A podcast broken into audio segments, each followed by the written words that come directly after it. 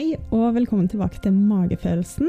Podkasten hvor jeg snakker med utrolig spennende damer om det å være seg sjøl i den verden vi lever i, og så utfordrer vi litt sånn skambelagte tema. Og så er vi alle veldig engasjert i samfunnsutvikling. Nå er det sommertid, og denne her episoden syns jeg er ganske relevant pga. at om sommeren så er iallfall jeg blant de som relaterer veldig mye gøy til det å drikke alkohol. Og det er jo ikke nødvendigvis et problem å drikke alkohol og kose seg litt med det, men det kan jo fort bli litt sånn at vi føler at alt vi skal gjøre, skal handle om alkohol. Så dagens gjest hun har faktisk vokst opp med en far som har hatt alkoholproblemer, og har mye erfaring relatert til det. Og hjelper nå andre som har eh, relasjoner til mennesker som sliter med alkohol, og det å håndtere livet rundt det, og i etterkant for å klare å ha fokus på seg sjøl og være snill med seg sjøl, som det er kanskje mange av oss som ikke alltid helt får til. Det er òg for oss andre som kanskje bruker alkohol til å døve litt på følelser. Og det er jo ganske mange av oss som kanskje tidvis drikker litt mye, som ikke klarer å slutte. Og ja, at det er vanskelig å la være, da. Og i alle fall tenke litt over situasjoner. Og kanskje spesielt sånn hvis du går gjennom en litt vanskelig fase, så kan det være greit å kanskje holde seg litt unna og, og kjenne litt etter hva vi egentlig trenger. Yes, kos deg. Jeg har òg lyst til å dedikere denne episoden til alle dere ute som er litt sånn som meg, som blir veldig engasjert i enkelte temaer, og merker at det noen ganger er litt vanskelig å holde tilbake. Og huske at det å få andre til å bli inspirert og endre sine vaner, og det å endre samfunnet, det kan friste veldig å pushe på og overbevise folk om din måte å gjøre ting på, og få folk til å bli like engasjert i eh, F.eks.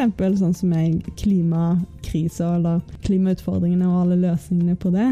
Og kjenner på at det ikke alltid skaper så veldig god stemning. Så jeg ønsker å gi dere alle den medfølelsen som dere sikkert trenger i frustrasjon. Og jeg vil bare si at jeg er der med dere, og jeg òg har kjent på det veldig mye i livet. Og jeg har nå noen veldig gode venner som jeg alltid ringer når jeg kjenner på dette her, og de minner meg alltid om at den beste måten å få samfunnet til å endre seg på, det er å inspirere og gå foran som et godt eksempel, og bare snakke om egne erfaringer og hvor bra det er for deg. Og det å vise til hvordan det faktisk kan være bedre å endre på vaner. For det å snakke om problemer og kriser og henge seg opp i det, og prøve å pushe ting på folk, det er ikke så veldig virkningsfullt. Så jeg vil bare si jeg er med dere. Jeg føler mye på det. Jeg skal nå hjem til Stavanger på ferie og har allerede informert min familie om at jeg jobber med å legge David Attenboroughs siste film bak meg før jeg kommer hjem på ferie, sånn at vi kan ha det koselig. og um, ja, det er veldig rart hvordan ting som engasjerer meg, som jeg bare tar for gitt at alle andre òg blir like engasjert av det er noen ganger vanskelig å forstå at folk har ulike ståsteder. Og ja, vi får bare stå sammen, og så får vi lene oss på hverandre. Og så kanskje slappe litt av når vi er med alle andre som ikke alltid deler våre synspunkter. Veldig hyggelig at du har lyst til å være med i podkasten i dag. Tusen takk. Du jobber med noe som er veldig viktig og spennende. Har du lyst til å fortelle litt om bakgrunnen for hvordan du kom inn på dette her? Ja, altså jeg eh, jobber jo som pårørendeveileder for de som eh, har en Eller som er pårørende til enten rusavhengige eller de som har alkoholproblemer. Jeg eh, har jo vokst opp sjøl med en far som er alkoholiker, som da har motivert meg til å ville hjelpe andre til å ja, få det så bra som mulig da, i livet. For eh, jeg har jo også vært en person som ikke har prata om ting. Eh, jeg har eh, skjøvet alle andre vekk, eh, hatt fokus på, som veldig mange andre gjør av pårørende, det å være medavhengig. Da, det kan jeg komme tilbake, mer tilbake til senere. Mm.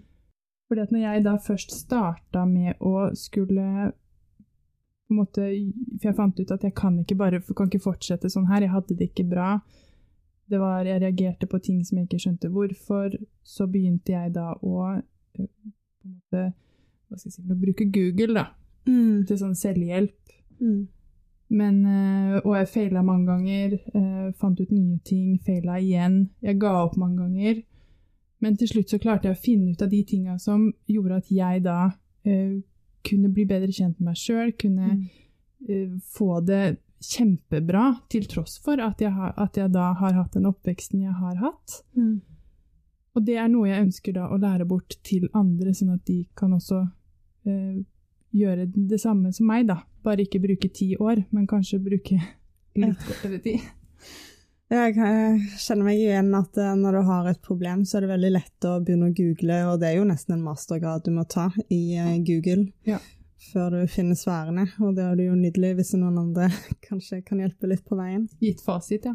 Mm. Hva er du mest stolt ha utretta? Det er et veldig godt spørsmål.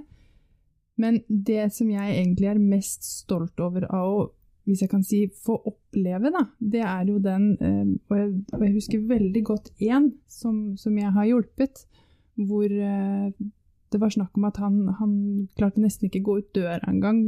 Livet var ja, så ikke ut som det var noe som på en måte kunne eh, gjøre at livet hans skulle få, at han skulle få det fint. da. Mm.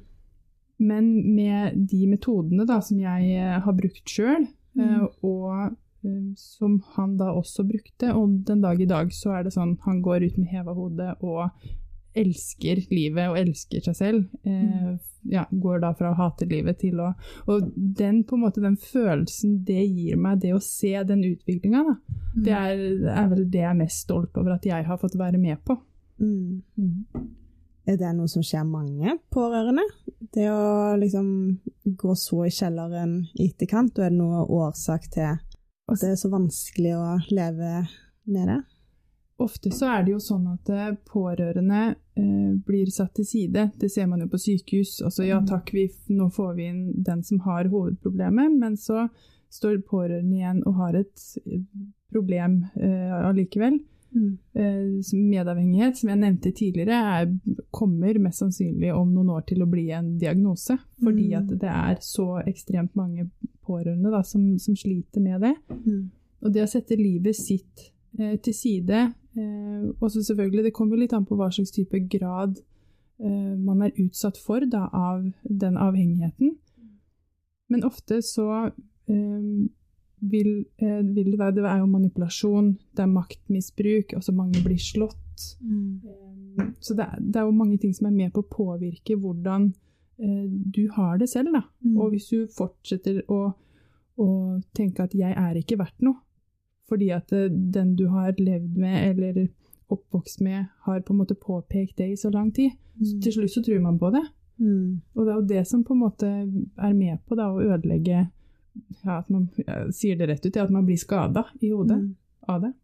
Altså enten fordi at du blir på en måte ignorert, kanskje, eller fordi at du faktisk blir misbrukt i form av liksom ord eller Mm. uh, fysisk, da. Det er jo psykisk vold, det, som egentlig, det som egentlig skjer, da. Det er jo noe som igjen, Nå skal ikke jeg begynne å gå inn på genetikk og alt mulig sånn, men jeg, jeg vil jo tro at noen er mer rusta til å tåle eh, hardere kår da, Mm. enn det andre er. Og så er det jo litt med hvordan man da tar med det videre da, i livet. Mm. Hva er ditt forhold til alkohol nå i dag, og hvordan har det vært sånn tidligere i livet? Mm.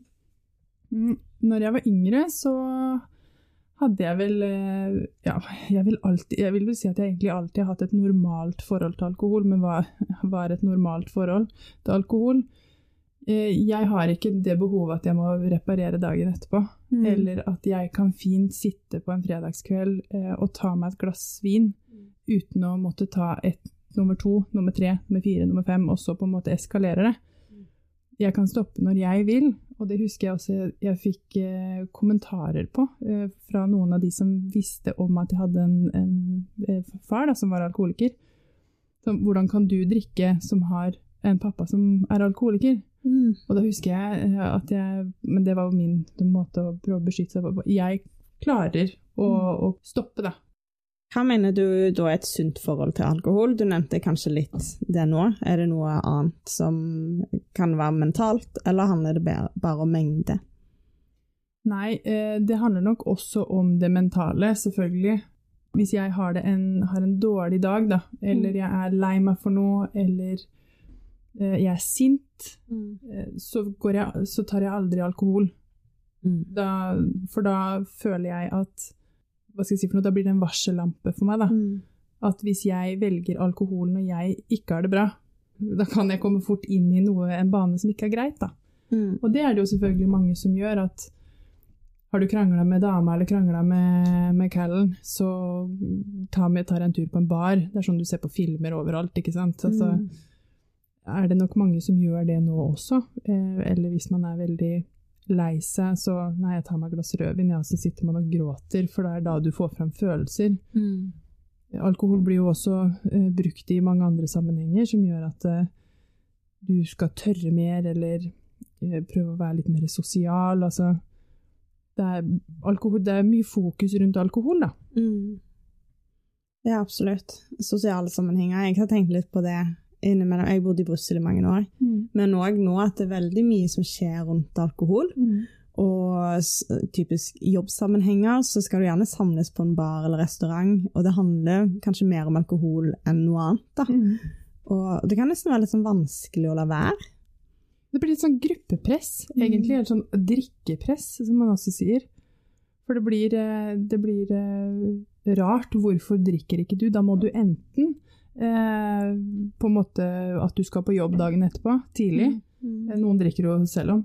For jeg husker jeg kom på en sommerfest hvor jeg bare skulle innom eh, og si hei. Og da var det hun ene som spurte er du gravid. Ja. Nei, eh, nei, hvorfor spør du om det? Nei, du drikker jo ikke. Ja. Og det ble sånn må, må, det være en grunn for at jeg ikke drikker? Kan ikke det mm. være greit at man ikke drikker, da? Mm. Men det er jo dessverre sånn det har blitt. Mm. Og det ser man jo på koronasituasjonen nå også. Altså, jo, Sverige har stengt ned, det blir, man handler mer alkohol her hjemme mm. i Norge, men det er jo fortsatt skyhøye tall på hvor mye alkohol som blir konsumert. Mm. Hvordan påvirkes vi og livene våre når vi drikker for ofte eller for mye? I starten så tror jeg nok man klarer seg ganske godt. Mm. Eh, klarer å holde på jobben, klarer å holde på vennene. Men til slutt så kommer det sakte, men sikkert. Du begynner å miste jobben eh, fordi at du blir tatt på jobben. Kommer full på jobb. Du begynner å miste tillit til vennene dine, eller de begynner å miste tillit til deg sakte, men sikkert da, så blir du stående alene. I hvert fall hvis du er en som, som har et uh, problem da, med mm. alkohol eller, uh, eller, rus generelt. Mm. Og det med barn også. Jeg ser jo sånn i forhold til mitt eget liv også. Lurer på hva er det som skjer nå. Når du da drikker for mye, så blir du et menneske som du ikke kan stole på. Ja. Selv om du kanskje er en person som har kjempemasse omsorg, masse kjærlighet i seg, så bare er det alkoholen som får deg til å bli noe helt annet. Mm. Hvor mange enheter trengs det? For nå nevnte du de som er liksom gjerne alkoholikere. Mm. Eh, som det er veldig tydelig er alkoholikere. Mm. Men det er vel et ganske stort mellomsjikte der, hvor, av folk som kanskje drikker litt for mye, mm. både i hverdagen, men òg foran barn, og, og kan påvirke eh, omgivelsene sine eller seg sjøl på den måten. da det er ikke så veldig mye som skal til. Fordi at det, du kan gjerne drikke én øl. Det kommer helt an på dagsformen din også. Jeg mm. kan sjøl ha merka at uh, etter en lang dag og tar seg én øl, så kan jeg nesten kjenne at det går rundt oppi hodet mitt fordi at det, det ikke, du tåler ikke så veldig mye. Mm. Uh, og ofte så, hvis du ser fra et barns perspektiv, da, så, så, er det jo den begynner å le litt høyere, f.eks. Eller du syns ting er litt mer moro enn det det var når du mm. starta. Mm. Der, da er det ofte for mye, og i hvert fall sånn for de rundt deg. Da, hvis du har barn for eksempel, til stede, mm. så er det veldig veldig lite til. Det er ikke mer enn et par glass som skal til før du begynner å få en liten forandring. Mm. Hvor da f.eks. barnet ser at det blir en endring. da. Er det noe pårørende typisk kan slite med, sånn både barn og partner underveis, men sånn òg i etterkant? Og hvorfor? Hvis vi skal starte med barn, da, som jeg føler at jeg er ganske god på, eh, Mm. så er det noe med det at eh, de tingene du opplever som barn, med usikkerhet, det å skulle observere hva er det som skjer, de tinga er jo de tinga du tar med deg videre også. Blir du slått når du blir ung, så er du redd for det når du blir eldre. Er du utsatt for eh, at eh, du, sånn som jeg, eh, har stått opp i toppen av en trapp og, og lytta ned til Mm. underetasjen, er, kan jeg gå ned nå, er, det, er personen sint, eller er den glad, eller hele tiden på en måte prøve å finne ut av hva, hvor går neste steg, sånn at vi hele tiden er i forkant av situasjonen. Mm. Og det er noe du tar med deg. Mm. Jeg hadde en jeg snakka med som, eh, som også sa det at jeg liker ikke dra på fest, men jeg gjør det. Mm. Når jeg da drar på fest, så setter jeg meg i et hjørne, sånn at jeg har oversikt over alle som er der, og Mm. observerer alle situasjonene. Yeah. Når går det gærent i den samtalen der? Eller hvorfor utvikler den samtalen seg på den måten? Mm. Begynner hele tiden sånn å analysere det, det er jo bare et eksempel. Mm. Men det er ofte det man gjør, man drar det man er god på i barndommen, Mm. det drar man med seg i voksenlivet, og ikke nødvendigvis god på, men altså de, ting, de følelsene man sitter med, med mindre de er bearbeida, Mm. så drar man de med seg i voksenlivet.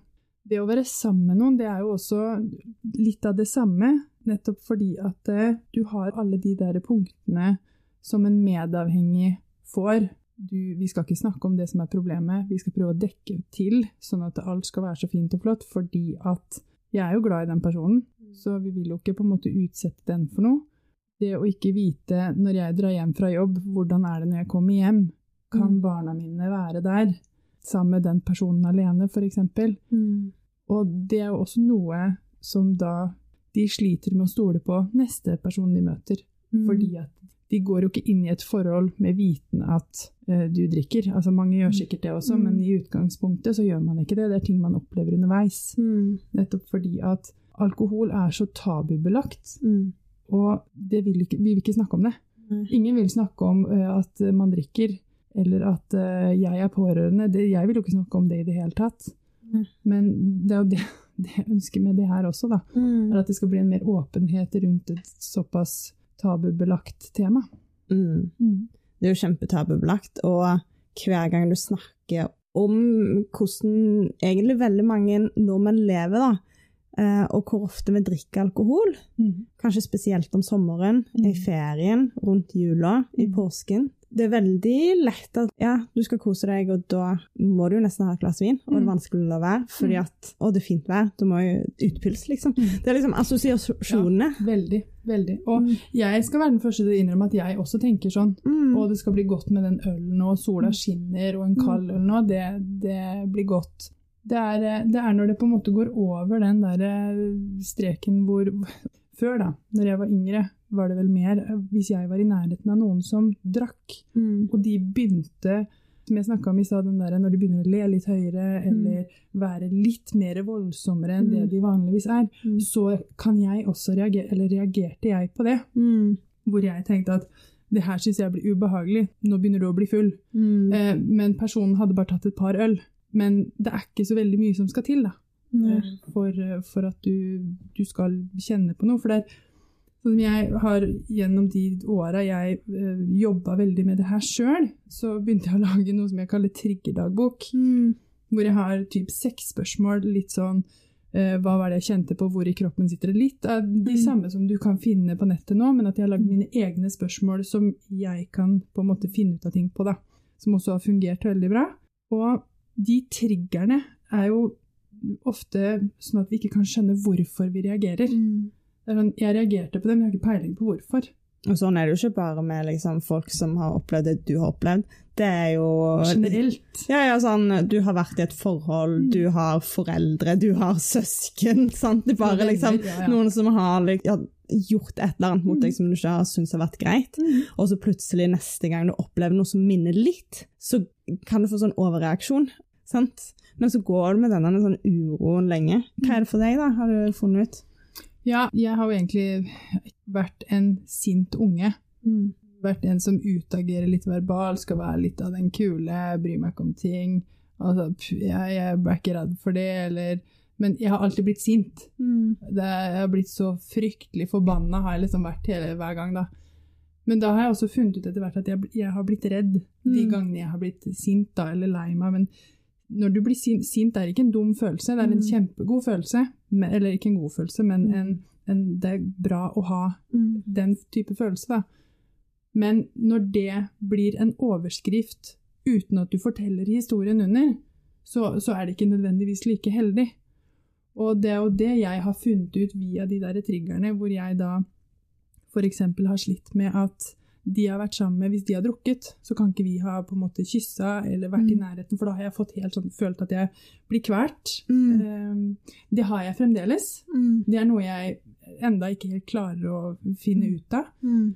Men eh, det å være sammen med andre fulle mennesker, det å lære seg til at jeg trenger ikke observere alt som skjer. Mm. Jeg trenger ikke se på et ansiktsuttrykk og tenke 'oi, nå har ikke hodet bra', med Mm. mindre jeg vil. Mm. Eller ta meg nær av eh, noen som prøver å tulle, men så blir jeg usikker. Mm. Tulla personen, eller er det sånn at den personen mener det om meg? For den Mm. usikkerheten er jo også noe vi Jeg sier vi, jeg, for jeg er jo pårørende sjøl. Ofte føler på. For vi vet ikke er vi gode nok, og streber etter oppmerksomhet, og gjerne på feil måte. Mm. Fordi at vi prøver å si eh, 'se meg, se meg', men vi ser, det er ingen som ser det. Nei vel, da må vi ta det til next level for å Mm. på en måte bli sett. da. Og så blir du den, den derre ungen som, eh, som er en, et problembarn. Selv om jeg har aldri vært et problembarn. Mm. Eh, Jeg husker mammaen min sa det til meg, hvor, vi hadde en samtale for mange år siden. Nei, jeg har jo alltid vært et sånt problembarn, jeg, vet du. Mm. Og mamma svarte, du har aldri vært et problembarn. Du har bare slitt Mm. med ting uten at du har et ønske å snakke om ting. For det har jeg, har jeg jo aldri vilt. Mm. Så det er, eh, nei, det er rart hvordan man tar det med seg. Men ja. Nei, jeg sy- syns det å, det å At andre skal få, få den muligheten jeg har hatt, da. Mm. Å kunne komme dit og ha kjempeselvtillit og ikke være redd for noe, ikke være usikker på om eh, du er god nok. Det er, det er en veldig god følelse. Ja, og jeg tror det, det er sikkert mange av de teknikkene du bruker som kan hjelpe mange som bare har hatt det litt vanskelig. Det, jo, det er jo vel en traume. Mm. Det er det er litt sånn traumebehandling. Ja, på en måte er det jo Jeg vil ikke kalle det behandling, men det er mer Ja. en, en, en veiledning eh, med noen verktøy. Mm. Eh, sånn at de kan Fordi de må gjøre jobben selv. Ja. Så, så de behandler egentlig seg selv. Mm. Og så kan jeg bare gi dem noen av de verktøyene som jeg har erfart sjøl, og har på en måte, jeg kaller det da, ja, referanser da, fra Mm. andre som også kan si at det her har funka for meg. Mm. Og det er eh, og det er på en måte det jeg tenker er det viktigste, da, at de kan få hjelp underveis til å nå det målet. Mm. Om målet er at jeg vil rett og slett bare gå ut døra, eller vet du hva, jeg skal på en måte stå på scenen om et Mm. år Mm. og fortelle om livet mitt, eller gjennom jobben skal holde et foredrag. Det å tørre det, for alle har forskjellige mål, ikke sant? Mm. Så bare det å kunne hjelpe noen til å komme, komme dit, Mm. det syns jeg er kjempefint. Og så syns jeg det var veldig viktig det du sa med det med følelser. Jeg tror det er så mange personer som oppfattes som sinte, Mm. som ikke er sinte i det hele tatt. Og så ender de opp med å dytte folk fra seg, og så trenger de egentlig bare en klem. Mm. Ofte så er det det, hvor, Mm. hvor eh, jeg vet, igjen kan bruke meg selv som et eksempel. Jeg kan også bruke mange av de jeg jobber med som et eksempel, fordi Mm. mye går jeg, måte, Selv om historiene er forskjellige, så er opplevelsene de samme. Mm. Og det er mange som er sinte, det er mange som ikke er sinte, det er mange Mm. som ikke bryr seg, det er mange som Eller Det handler ikke- om personlighet, hvordan du oppfatter det. Veldig. Når, eh, det, er, det er viktig å se bak følelsene, hva som på en måte kommer ut bak Jeg kan kalle det utbrudda, da. Mm. For ofte så er det ikke det, det ser du veldig tydelig på barn. Mm. De reagerer ofte med at de blir sinte, vet ikke helt hvorfor. Mm. Gråter og er sinte. Det, det ligger alltid noe mer bak. Det er en grunn for det. Mm. Og det kan man se i skoler hvor, hvor eh, barn er mer, noen barn er mer utfordrende enn andre. Men også hvis du ser på historikken da, til de barna, f.eks., så er det alltid en grunn. Mm. Og så blir mange, som, blir mange av de barna opplevd som da ja, problembarn, eller barn som jeg vet da, Det blir ikke noe av hun eller han. Ja. Fordi at Ja. eh, Og det hørte jeg også på skolen. Altså, det kommer ikke til å bli noe. Mm. Og så tenker jeg at eh, skal vise deg, jeg. Ja. Dit har jeg jo kommet nå. Mm. Og det er mange som enda er der at nei, det vel, blir kanskje ikke noe av meg. Mm. Jeg tror det er noe med liksom, at folk forventer litt av deg. For det er jo litt da føler at folk har troen på deg. Men nå har jeg Jeg glemte hva jeg skulle si. Det går veldig bra. Hva anbefaler du folk å gjøre istedenfor å ty til alkohol i situasjoner hvor eh, de liksom føler på å bruke alkoholen for liksom kanskje døve vanskelige følelser og tanker? Ja, altså det første som, som man ofte sier, er jo den derre prat med noen. Ring noen, ring en venn. Det er ofte vanskelig. Mm. Det er kjempevanskelig å ta opp den telefonen og si Hei, du, vet du hva, jeg trenger å snakke om noe. Mm. Det er kjempevanskelig. Og det er jo der jeg syns de trigger ja, Jeg kaller det triggerdagboka mi, da, som jeg bruker mye. Jeg føler meg nesten litt sånn rar, fordi at eh, når jeg kjenner på noe eh, Mm. nå, etter å ha brukt det her verktøyet i veldig mange år, så blir jeg sånn Å ja, ok, nei, men eh, hvor kommer den fra? Og så begynner jeg å også tegne, og så prøve å finne paralleller på hvor er det Hva skjedde der? Og så finner jeg ut av hva det er, og så kan jeg få en ro med det, og så er det Mm. kjempefint. Mm. Men hvis, hvis, hvis du der ute, da, som, som sliter og er vant til å ta alkohol, Mm. prøv å finne ut av hva er det som gjør at du føler det sånn. Mm. Hvor i kroppen sitter det? Prøv å lokalisere det. Prøv å kjenne på pusten. Hvor er det den Hvor stopper det opp? For ofte så sitter vi bare og puster i brystkassa når, Mm. når ting er vanskelig, eller man sliter med angst. Mm. Så det er vel egentlig det prøv å bli kjent med deg sjøl. Mm.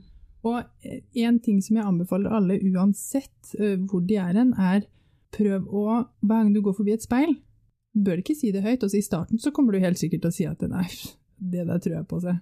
Men si vet du hva, jeg er glad i deg. Mm. Stå og se på deg sjøl i speilet og si 'jeg er så glad i deg'. Eller som jeg også noen ganger pleier å si, prøv liksom å knipse med fingrene og si 'fy fader, så sprek du er i dag'. Mm. På, spesielt på de dagene hvor du føler at eh, det ser ut som du ikke har sovet i- på en uke. ikke sant? Mm. Men da er det desto viktigere. Snakk Mm. til deg sjøl. Og du bør ikke si det høyt, Mm. men, eh, men start med å bli glad i deg sjøl. Ta vare på deg sjøl. Det er så utrolig viktig. Ja. Og det der det å se seg sjøl i speilet. Mm. Jeg husker nå når jeg gikk gjennom det bruddet. Um, så hadde jeg noen dager hvor jeg bare sto og så meg sjøl i speilet. Og da ser, det å se seg sjøl dypt inn i øynene Mm. um, Da på en måte er det litt sånn at du tillater deg sjøl å være i det du egentlig er i. og det var faktisk Det var så fint. Mm. Og jeg klarte liksom gi meg sjøl den medfølelsen jeg trengte. Og så plutselig ble, var det litt sånn sånn OK, jeg er egentlig kjempetrist, men nå har jeg kanskje vært på jobb og lata som i mange timer. Mm. Jeg har vært med venner. Jeg har egentlig hatt det kjempehyggelig. Men når jeg liksom bare sto og så på meg sjøl inn i speilet, så bare var det sånn Det går helt fint. Og, jeg, og bare det å kanskje Jeg sa til meg sjøl, det kan høres litt rart ut, men jeg sa liksom til meg sjøl Jeg er her for deg. Mm. Og det er en sånn setning som jeg tror um, er ganske sånn sterk. Mm. Og selv, uh, selvstendig har alltid vært det. Og har nok alltid hatt sånn behov for at noen skal ta vare på meg. For at jeg har nok vært den som alltid har stilt opp for andre, og så har jeg savna litt at noen har gjort det for meg, da. Og så er det sånn, men jeg kan gjøre det for meg. Og det å liksom bare være og heies litt på seg sjøl, det tror jeg det er så lett å glemme. Vi veldig. sitter her Jeg begge blir- to med Tårer i øya. Jeg blir så rørt når du sier det, for dette er litt den samme følelsen Mm. jeg også har sittet med sjøl, og det er så mange andre som sitter med det der ute. Og jeg har vært borti flere som ikke nesten tør å gå til speilet engang og si det, fordi at de vet at når de gjør det, så gjør det så vondt. Mm. Så det så nei, jeg, Det var jo helt fantastisk. grusomt. Mm. Og, men sånn så bare begynte jeg liksom å gråte. Bare liksom det å holde blikket. Mm. Og det kanskje øve først med å gjøre det med seg sjøl, og så kanskje prøve å gjøre det òg med venner. Mm. Det å liksom bare se noen rett inn i øynene og liksom si det du trenger å dele noen ganger, da. Mm. Ja, det er superviktig. Jeg og min samboer er veldig opptatt av det. Det å stille spørsmålet 'hva har du bruk for nå?' Det å tørre å faktisk si 'det her har jeg bruk for'. Mm. det er en av Jeg vil vel si at jeg personlig syns at det er noe av det vanskeligste å si. Ja. Hva, hva har du bruk for? Mm. Og spesielt, det gjelder nok for alle, men jeg, jeg kan jo bare snakke for de i min situasjon, da, som Mm. ofte er den som skal på en måte gjøre alt for den andre. Mm. De kaster vekk alt av avtaler og eh, slipper alt i hendene for å hjelpe Mm. den avhengige. Mm. Og så brått skal det stilles spørsmål hva har jeg bruk for? Og så blir det sånn jeg? Mm. Jeg, jeg skal vel ikke ha bruk for noe? Altså, Mm. Jeg fikser opp det, og så, så har jeg det bra når du eh, Mm. har det bra. Ja. Men så er det noe med å finne ut at jeg har det bra når jeg har det bra. Ja. Når jeg også får fylt opp noen av de tinga som jeg har bruk for. Mm. Og det, det har vært en veldig, veldig tøff prosess, selv om jeg har tenkt at jeg har koll på det meste. Og så får du noen sånne spørsmål. Fordi jeg har klart det sjøl, Mm. overfor meg selv, jobba med ting sjøl. Jeg skriver jo også bok som øh, gjorde at jeg valgte å gå til en, en terapeut. Mm. For jeg har ti kapitler øh, med forskjellige temaer. Og jeg vil ha en, en profesjonell samtalepartner i de forskjellige temaene. Og det var først da jeg ble egentlig litt sånn klar over at det å skulle da Det er veldig fint at jeg er trygg på det sjøl, men når du da får noen spørsmål utenifra som du ikke hadde tenkt på selv, så blir du sånn Oi, hva, hva skjedde nå?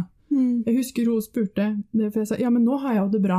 Mm. Så spør hun hva legger du i å ha det bra? Ja. Og da begynte jeg sånn Jo, det er um, Hm. Ja, hva legger jeg i å ha det bra? Mm. Eh, det visste jeg ikke. Nei. Fordi at det for meg å ha det bra var at jeg bare dura gjennom livet.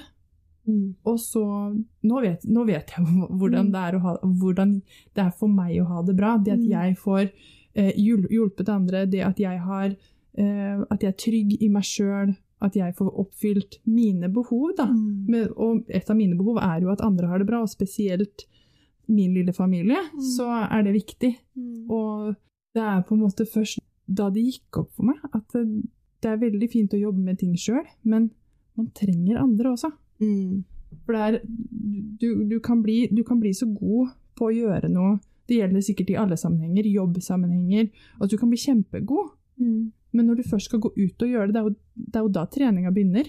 Mm. Øvelse gjør mester. Ja, jeg er veldig opptatt av liksom, psykologi og selvutvikling og kommunikasjon og alt det der. Og jeg kan jo mesteparten av teorien, og den har jeg kunnet lenge.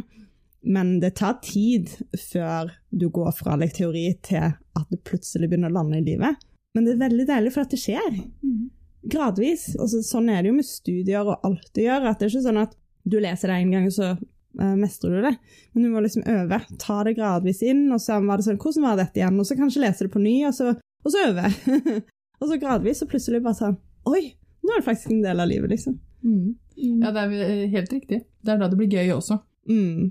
Når du lander en del ting så, så ser du deg sjøl med et annet lys. Mm. Og det å ha selvinnsikt og kanskje se sin rolle Jeg ser jo at du er veldig sånn som tar vare på folk rundt deg, og jeg kan jo se for meg at det òg har vært vanskeligere for din personlighet å være pårørende. Mm. Fordi at du ikke Det er kanskje vanskelig for deg å distansere deg for at du føler det ansvaret. Mm. Det har vært kjempevanskelig. Dårlig samvittighet. Mm. Det å begynne å ta vare på seg sjøl, den prosessen der var veldig tøff. Mm. Det å skulle bryte ut av mønster som du har vært vant til i mange, mange år, og det ser jeg også på flere av de som jeg har samtaler med, at det å skulle bryte ut av et mønster, da, det, det er nesten det vanskeligste. Mm. For det, ja, Vane er vond å vende, kan du godt si, Mm. men, men det er noe med fordi når du da skal bryte det mønsteret, så kommer skammen, Mm. dårlig samvittighet. Det er din feil. Det er Mm. den følelsen du sitter med. Ofte så har jeg hørt flere sagt eh, at de har fått høre det er din feil at jeg drikker, fordi at du velger å Mm. Den, den derre manipul manipuleringa som du står der og bare tar imot og tenker at ja, vet du hva, det er sant. Mm. Men når du først kommer dit at nei, vet du hva, det er ikke det. Det er ikke min feil at du velger å gjøre sånne ting. Men det er vanskelig å, igjen da, bryte ut av det. Mm. Mm. Du må ofte ha det ganske mye på avstand for å klare å se det. Mm. Og det får du gjerne ikke hvis du bor sammen med noen. Nei, og du kan jo ikke velge heller når du er barn og, og vokser opp. Og da er man ofte også veldig dypt inn i det, noe som gjør at det da blir enda vanskeligere.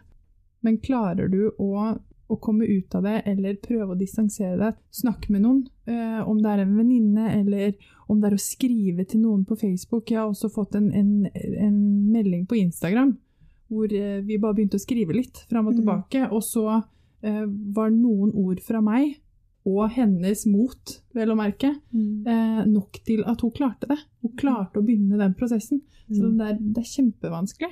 Mm. Men bare snakk med noen. Finn noen du kan på en måte åpne deg opp for, for da blir veien litt lettere. Mm. For det er ikke lett å stå i det alene. Og folk som er vant til å fikse ting sjøl, har veldig lett for å først liksom være sånn Nei, det er ingen jeg kan snakke med. Men når du begynner å tenke etter, så er det veldig mange som har iallfall ett menneske som du kan snakke med. Og ofte er det også sånn at hvis du begynner å åpne deg litt, så den personen du eventuelt åpner deg for, kjenner alltid en eller annen som sitter med samme opplevelsen som deg. Så, for du er ikke alene. Det er det mange som tror at Mm. Nei, men altså, det er jo ingen andre som, som har en mor eller en søster eller, et eller noen som har et alkoholproblem eller er rusmisbrukere. Jo, det er veldig mange, faktisk. Men det er bare ingen som tør å prate om det. Jeg har flere som har vært alkoholikere i min familie.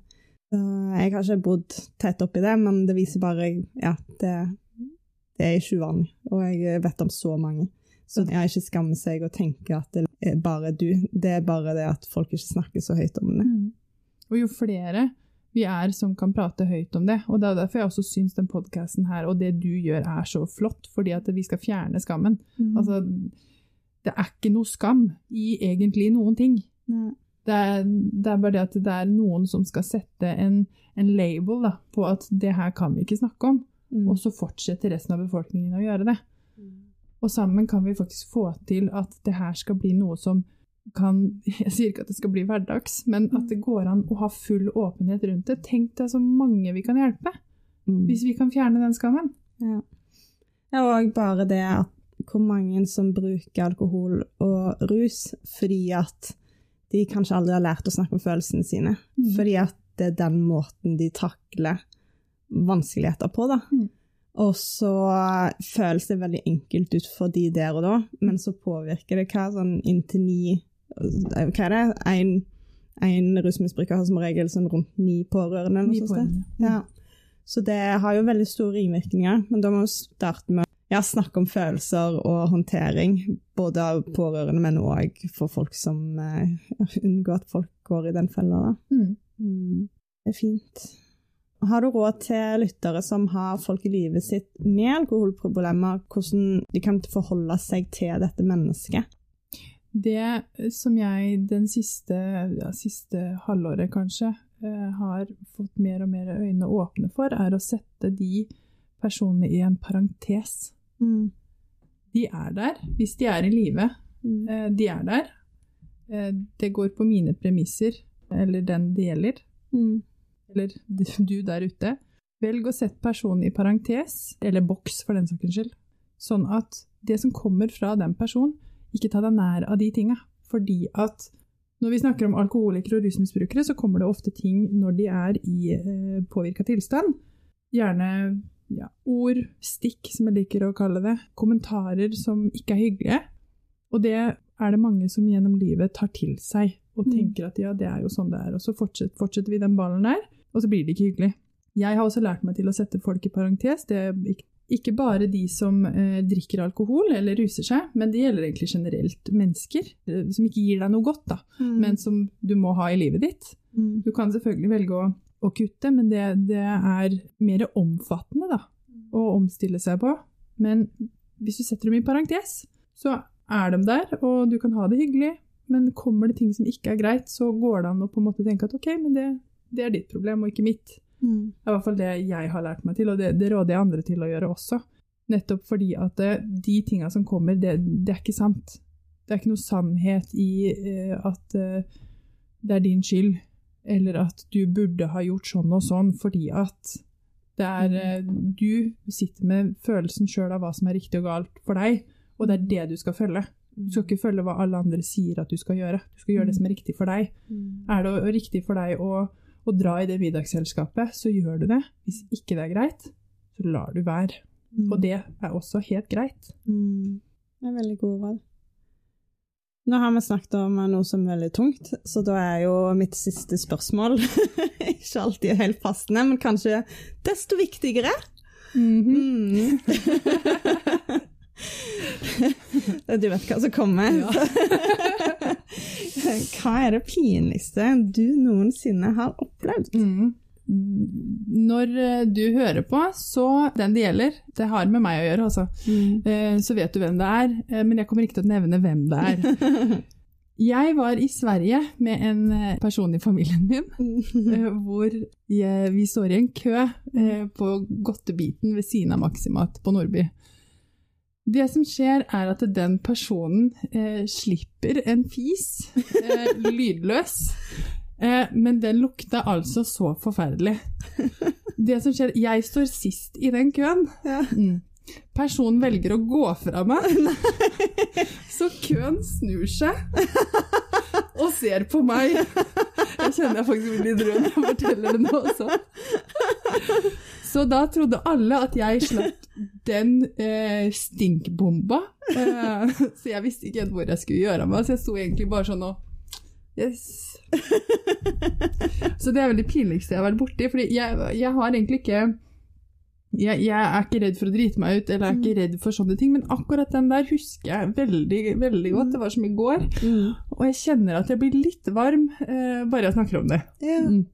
Men det er veldig gøy. Tror du det, hvis, du hadde, hvis det hadde vært du som prompa, Mm. hadde du blitt mindre flau da? Hvis jeg hadde vært personen som hadde gått, så tror jeg at det hadde gått fint. For da hadde jo, da hadde ikke det vært meg, ikke sant?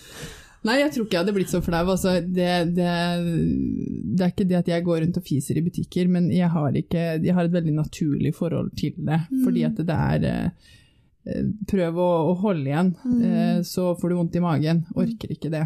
Men mm. ja, hvis du vet at du på en måte Uh, At det ikke lukter spesielt godt, så går det jo an å la være å ta det midt i køen. Men jipp. Så det Å, det er veldig gøy. Jeg kan slite veldig med det, og jeg kan stå for det jeg har gjort, Mm. men hvis jeg får skylda for noe som noen andre har gjort mm. altså, Ja, altså, da tror jeg, jeg, tror jeg, jeg syns det er vanskeligere. Ok. Mm. Ja. Ja, altså jeg, jeg kan jo forstå den. Jeg er nok også litt sånn at det, det var ikke meg. Eh, men eh, ja, jeg har, kan vel sikkert ta på meg noen eh, skyld. Nei, så det er, ja, det er i hvert fall min største pinlige, pinligste opplevelse. Mm, den ser jeg. Det var veldig hyggelig å ha deg her, og tusen takk for at du deler veldig viktig historie. Tusen takk for at jeg fikk lov til å være med. Det betyr kjempemasse å få muligheten. Eller at jeg har fått muligheten.